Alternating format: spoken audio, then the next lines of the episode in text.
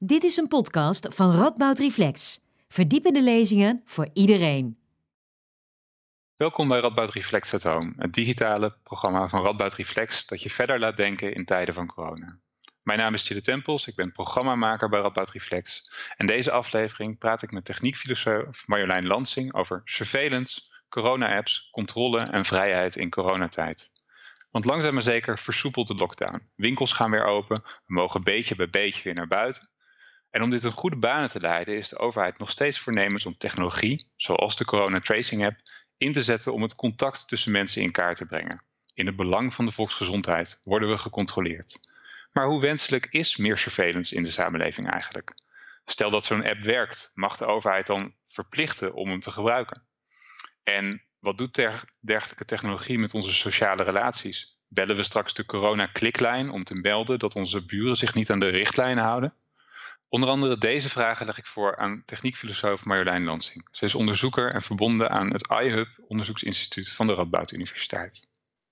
Hey Marjolein, superleuk dat je erbij bent. Hi Chide, ja, ontzettend leuk uh, om te gast te zijn. Mooi. Hey, we gaan het hebben over vrijheid en surveillance. Um, dat is jou niet vreemd. Um, nou, de afgelopen weken al best wel een groot debat, onder andere over de corona-app. Um, privacywaakhonderen zich maken zich best wel druk in de samenleving om die plannen van de overheid om dergelijke surveillance technieken verder uit te rollen. om, om dat virus dan tegen te gaan, onder andere. die zorgen die worden geuit. Herken je je erin? Denk je dat dat gerechtvaardigd is? Ja, ik, uh, ik denk dat, uh, uh, dat, dat de zorg om privacy ja, heel terecht is natuurlijk. we weten nog niet precies hoe die app eruit komt te zien. Um, dus ik denk dat ook heel veel van de privacyzorgen die we hebben, die lopen een beetje vooruit op de zaak. Maar ja, het, het doembeeld wat natuurlijk leeft bij mensen is ja, dat we continu in de gaten gehouden worden, misschien door de overheid, dat onze gezondheidsgegevens gegevens verzameld worden. En dat we niet weten um, ja, waar die terechtkomen, of die in de toekomst voor iets anders gebruikt gaan worden, uh, noem maar op. Um, maar ja, dat, dat, zoals ik al zei, dat is een beetje vooruitlopend op de zaken. Ja, ja, precies. Want inderdaad, oké, okay, stel, maar goed, la, laten we ervan uitgaan dat uh, de minister uh, erin slaagt om zo'n app te ontwikkelen. Um, en die zorgen bestaan er dan natuurlijk nog, die, die zijn dan niet weg op het moment dat er een effectieve app is. Maar tegelijkertijd kan je ook zeggen, ja, kijk, we worden nu al eh, behoorlijk beperkt in onze vrijheid. Ik, ik mag niet naar mijn werk, mensen mogen eigenlijk niet op, niet op straat. Dat is een vrij fundamentele inperking van onze vrijheid, zou je kunnen zeggen. Um, ja, straks, is er, straks mogen we wel naar buiten, uh, maar dan wel met zo'n app op zak. Ja, dat heeft dan misschien impact op je privacy. Maar mm. is privacy niet een soort secundair belang als je kijkt wat er tegenover staat in hoeveel vrijheid je ervoor terugkrijgt? Ja, dat is een, eh, een, hele goede vraag. En die kun je volgens mij, uh, die moet je een beetje uh, uitpakken. Want er zitten verschillende vragen onder, denk ik. Um, een van de eerste, laten we even met het laatste beginnen. Een van de eerste dingen die me opvalt en je vraag is, ehm, kun je, moeten we privacy niet opgeven voor iets groters? En dat is een, ja, een tegenstelling die we heel veel tegenkomen, ook in de media. Eh, hij zit ook in zo'n reclamespotje van een enquête van de Nederlandse overheid. En er, er, wordt dan als statement wordt gezegd: Ik vind privacy belangrijker, of ik vind gezondheid belangrijker dan mijn privacy. Um, nou, dit soort tegenstellingen die zien we veel in het uh, coronadebat. We herkennen ze ook van um, nou, bijvoorbeeld uh, vragen rondom um, het opgeven van privacy voor bijvoorbeeld de wet inlichting en veiligheidsdiensten. Geven onze privacy op hè, voor het grotere goed, de veiligheid. Um, en dan wordt eigenlijk in dit soort tegenstellingen wordt altijd verondersteld dat privacy een klein individueel, ja, individueel rechtje is. wat we makkelijk zelf kunnen opgeven voor dat grotere collectieve belang. Um, en dat is eigenlijk interessant, want um, dat is een heel individualistische opvatting van privacy. En natuurlijk is privacy ook een individueel recht, maar het heeft ook wel degelijk een hele belangrijke sociale waarde. Dus uh, die balans, dat afwegen van privacy versus veiligheid of privacy versus gezondheid, dat heb ik al wel eens eerder betoogd. Dat vind ik een valse tegenstelling. En um, uh, die kun je eigenlijk uitkleden door heel nauwkeurig naar privacy te gaan kijken wat het eigenlijk echt is. En um, het is uh, veel socialer dan de meeste mensen denken. Kan je dat, kan je dat toelichten? Want inderdaad, ik, als ik aan mezelf denk, dan denk ik, ja, privacy is iets waar ik, dat gaat over mijn data bijvoorbeeld, of over mijn gegevens. En dat ik die niet, uh, ik heb geen Facebook-account, dus ik slinger die daar ook bewust niet op. Um, maar hoe zou ik het dan in een bredere, meer, als een meer publiek goed moeten bekijken? Ja, um, nou, ik denk dat je dat uh, op een, ja, je kan het in een, op een heel concreet niveau aanvliegen, maar ook een wat meer abstracter niveau. Uh, laat ik even met dat laatste beginnen. Um, dus als je, uh, dus privacy als sociale waarde ligt vooral besloten in het feit dat het een, een voorwaarde is, een sociale voorwaarde is voor een vrije samenleving. Dus een liberale democratische rechtsstaat als die van ons, die is um, afhankelijk uh, van privacy, dat we dat uh, hebben. Want privacy stelt ons in staat om uh, allemaal als burgers hè, binnen die liberale democratie onze eigen versie van het goede leven te ontwikkelen, zonder dat we het gevoel hebben dat we bekeken worden of dat we onder de druk van de ogen van anderen ons gedrag moeten aanpassen of onze versie van het goede leven moeten aanpassen. Um, dus in die zin is het een hele belangrijke, um, ja, zou, ja, uh, functionele waarde eigenlijk. Uh, om uh, vrijheid binnen een samenleving um, te garanderen. Of nou ja, in ieder geval voor zover dat mogelijk is. Dus in ieder geval een heel belangrijk tegengif tegen machtsongelijkheid. En ik denk dat mensen dat heel vaak niet beseffen uh, uh, ja, hoe groot eigenlijk of hoe belangrijk die waarde dus eigenlijk is voor ons om vrij te kunnen leven. Um, en dat komt ook omdat, ja, als we het over privacy hebben, dan hebben we het inderdaad vaak over ja, die paar gegevens, die persoonsgegevens. Maar eigenlijk bij elkaar, als we allemaal dus onze privacy goed borgen, uh, is dat een heel sterk, uh, ja, eigenlijk een sterke burcht tegen uh, inmenging van buitenaf door andere partijen waarvan je niet wilt dat die zich met jouw leven bemoeien of met jouw keuzes bemoeien. Um, nou, laten we even gezondheid nemen. Um, dat heeft, dat, nou ja, goed, dat is meer individuele of concrete casus. Um, ja, wij denken allemaal uh, van het is niet zo uh, ja, ingewikkeld of problematisch om onze privacy over onze gezondheid op te geven. maar door iets weg te geven over onze informatie, over onze gezondheid, zeggen we vaak ook iets over de gezondheid van andere mensen of over een groep. Dat kun je met big data analyses heel goed doen. Um, dus ja, uh, onze informatie hangt ook samen met de informatie van andere mensen.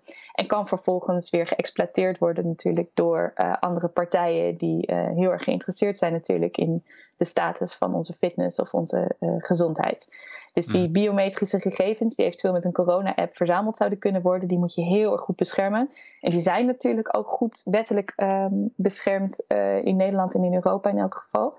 Um, ja, dus daar moet je heel goed over nadenken uh, als je dus een experimentele app gaat lanceren. Um, ja, wat er met die gegevens uh, gebeurt. Ja, ja, precies. Dus, dus dat is de spanning die erin zit. Tegelijkertijd, en ik ga even de advocaat van de duivel spelen, de utilist in mij zou zeggen, ja, dat, dat snap ik als het over reguliere apps gaat, in hm. wanneer de samenleving normaal draait. Maar de situatie waar we in zitten is niet, is in dit geval wel degelijk uniek te noemen. Um, in hoeverre beoordeel je, beoordeel je die verschillende situaties ook niet anders? Zou dat, niet, zou dat mee kunnen wegen in deze? Um, nou ja, kijk, ik denk juist dat we eigenlijk in een crisissituatie, dat je dan extra scherp moet zijn.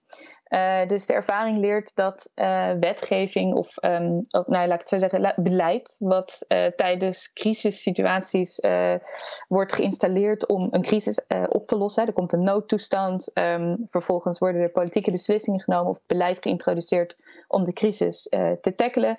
Um, daar, uh, dan blijft dat heel vaak hangen nadat de crisis uh, voorbij is. Dus een heel bekend voorbeeld is natuurlijk de Patriot Act uh, um, na de aanslagen van 9-11 en samenhangend beleid. Um, als je dat eenmaal hebt geïnstitutionaliseerd, is het vaak heel erg lastig om daar weer vanaf te komen. En ja, in een noodsituatie dan moet je snel handelen. Uh, Dus dan worden er vaak ook procedures verkort of zelfs overgeslagen, die eigenlijk heel erg, ja, uh, die we normaal gesproken binnen onze democratie wel zouden handhaven. Um, dus het beleid wat eruit komt is ja, misschien ook nogal uh, gebrekkig in dat opzicht.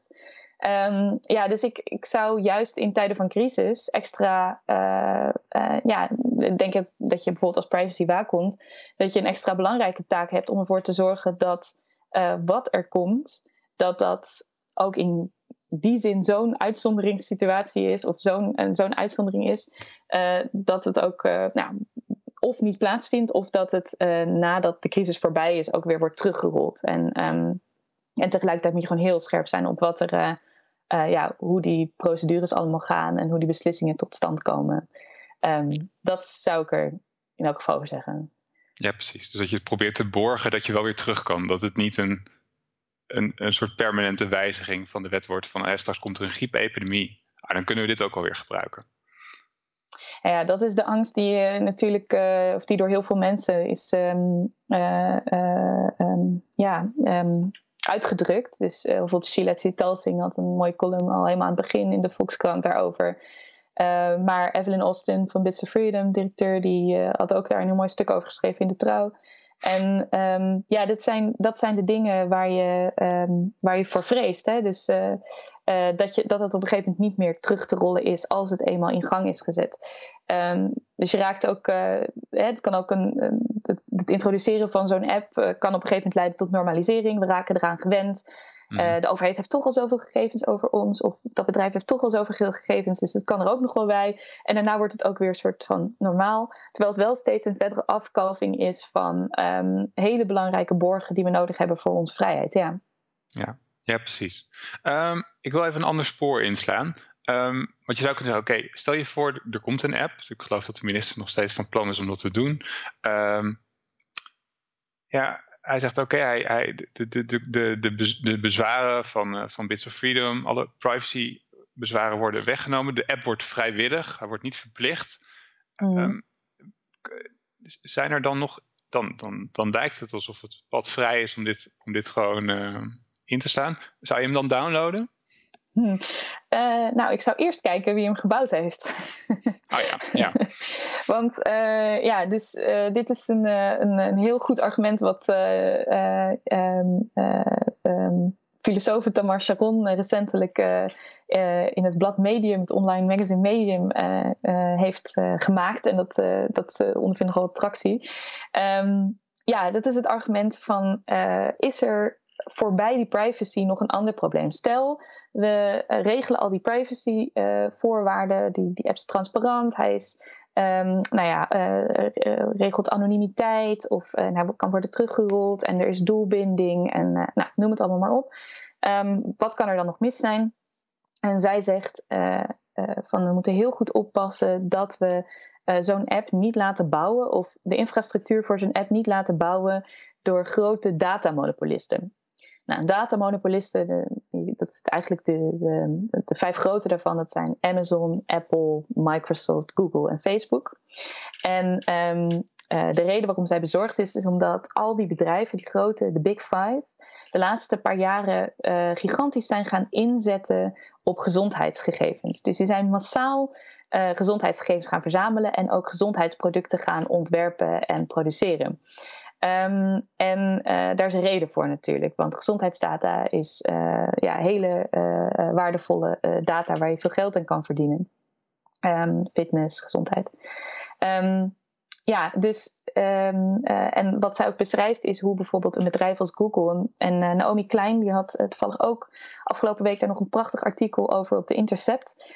Um, waarin duidelijk wordt hoe eigenlijk Google um, in deze crisis, in deze, ja, in dit, gez deze gezondheidscrisis, um, ja, ja, een soort van tools probeert te ontwikkelen of daar zich in probeert te nestelen als een hele belangrijke actor. Een actor waar je afhankelijk van uh, kan worden.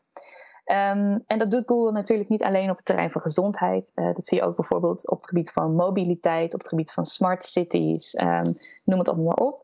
Uh, onderwijs bijvoorbeeld ook, is ook een belangrijke sector. En je ziet dat die sectoren, al die sociale domeinen, uh, afhankelijk aan het worden zijn van die grote datamonopolisten. En dat ze ook bijvoorbeeld taken van de overheid aan het vervangen zijn. Waardoor ook de overheid eigenlijk afhankelijk wordt van die grote bedrijven en burgers dus ook. Nou, en het is dus maar de vraag of je dus in een. Um, gezondheidscrisis, of je dan akkoord wil gaan of in zee wil gaan, weer met een infrastructuur van deze datamonopolisten die al zoveel macht hebben verworven in zoveel verschillende domeinen en dat ook steeds verregaander, daar steeds verder in gaan en steeds machtiger in worden. Um, ja, wil je ze dan ook op dit terrein weer um, uh, macht geven? En ik denk dat dat een, een, een zorg is die ook nu um, ja, echt ook wat een heel belangrijk argument is geworden tegen de corona-app. Want op dit moment is de minister bezig om een corona-app te bouwen die gebaseerd is op de infrastructuur die Google en Apple met z'n tweeën hebben gebouwd.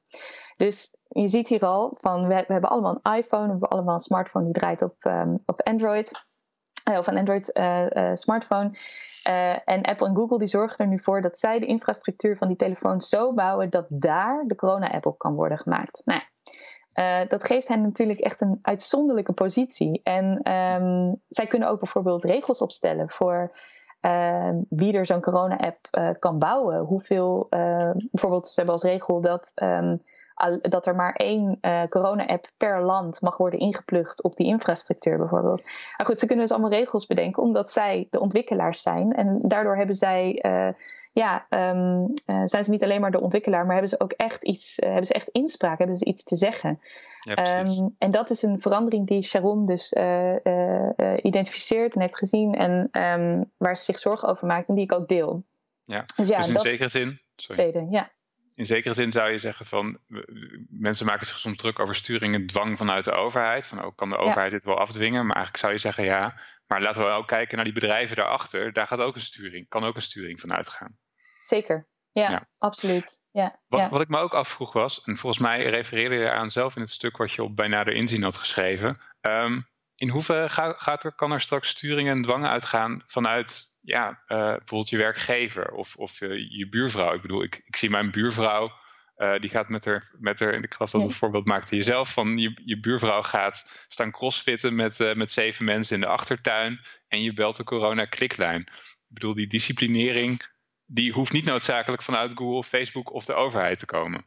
Nee, klopt. Nee, dat is natuurlijk het, um, Um, ja, het interessante van deze tijden, uh, de, de, de, de, installatie of de herintroductie van de kliklijn. Ja, ik vind de kliklijn een ontzettend gevaarlijk uh, medium, want het lokt gedrag uit wat juist vertrouwen en solidariteit in crisistijd ondermijnt. Want ja, uh, je weet niet wat je buurman over jou zegt. Of nou ja, en moet jij misschien dan als iedereen klikt, moet jij dan ook gaan klikken? Of, nou ja, Um, allemaal, het, ja, wat mij betreft, allemaal onderdeel van een, uh, eerder van een totalitair regime dan van een liberale democratische rechtsstaat. Maar goed, hij is er. En um, ja, over die corona-app, of die afgedwangen kan worden. Nou ja, er, kijk, we leven in een hele onzekere periode natuurlijk. Dus mensen die, je moet op elkaar vertrouwen, op vertrouwen dat iedereen de regels in acht neemt genoeg afstand van elkaar houdt, uh, geen uh, gekke dingen doet, zodat uh, dat, dat virus niet verspreidt. Um, er kan natuurlijk ook enorm veel sociale druk ontstaan om zo'n corona-app te installeren. als je dat niet doet, dan ben je misschien niet solidair. Dan, hè, dan um, creëer je gevaar of je bent verdacht of, of, het lijkt alsof je niet wil meedoen. En, dus dat lijkt me sowieso, dat is een, een, een sociale dynamiek die misschien kan optreden. Mm. Um, en nou goed, ik vind het feit dat die kliklijn al zoveel gebruikt wordt, uh, dat vind ik een veegteken aan de wand. dan denk ik, ja, dat is, een kliklijn. Maar ja, uh, straks als die app er is, dan uh, ja, kan je je voorstellen dat dat vergelijkbare consequenties heeft. Um, Dus daar moet je wel heel waakzaam uh, voor zijn. En, en dan misschien nog niet eens per se dat je buurvrouw zegt van ik wil dat je zo'n app installeert. Of heb je eigenlijk wel zo'n app. Uh, maar wel bijvoorbeeld um, je werkgever of um, die zegt van ja, je mag pas naar je werk komen als je via je app kan laten zien dat je clean bent. Of een supermarkt die dat zegt. Of je favoriete café als dat op een gegeven moment weer open gaat, terras. Mm ja, en dat, dat, dat is dan dus die vrijwilligheid en die wel beloofd wordt uh, door de minister. Uh, dat uh, is een beetje rekbaar, omdat het ook zomaar kan zijn dat er een sociale dynamiek ontstaat, waardoor um, je bijvoorbeeld aan bepaalde sociale evenementen niet kan meedoen, omdat um, de organisator heeft gezegd van ja, ik wil niet dat mensen hier zijn of hier komen, omdat ze als niet zo'n zo'n app installeren.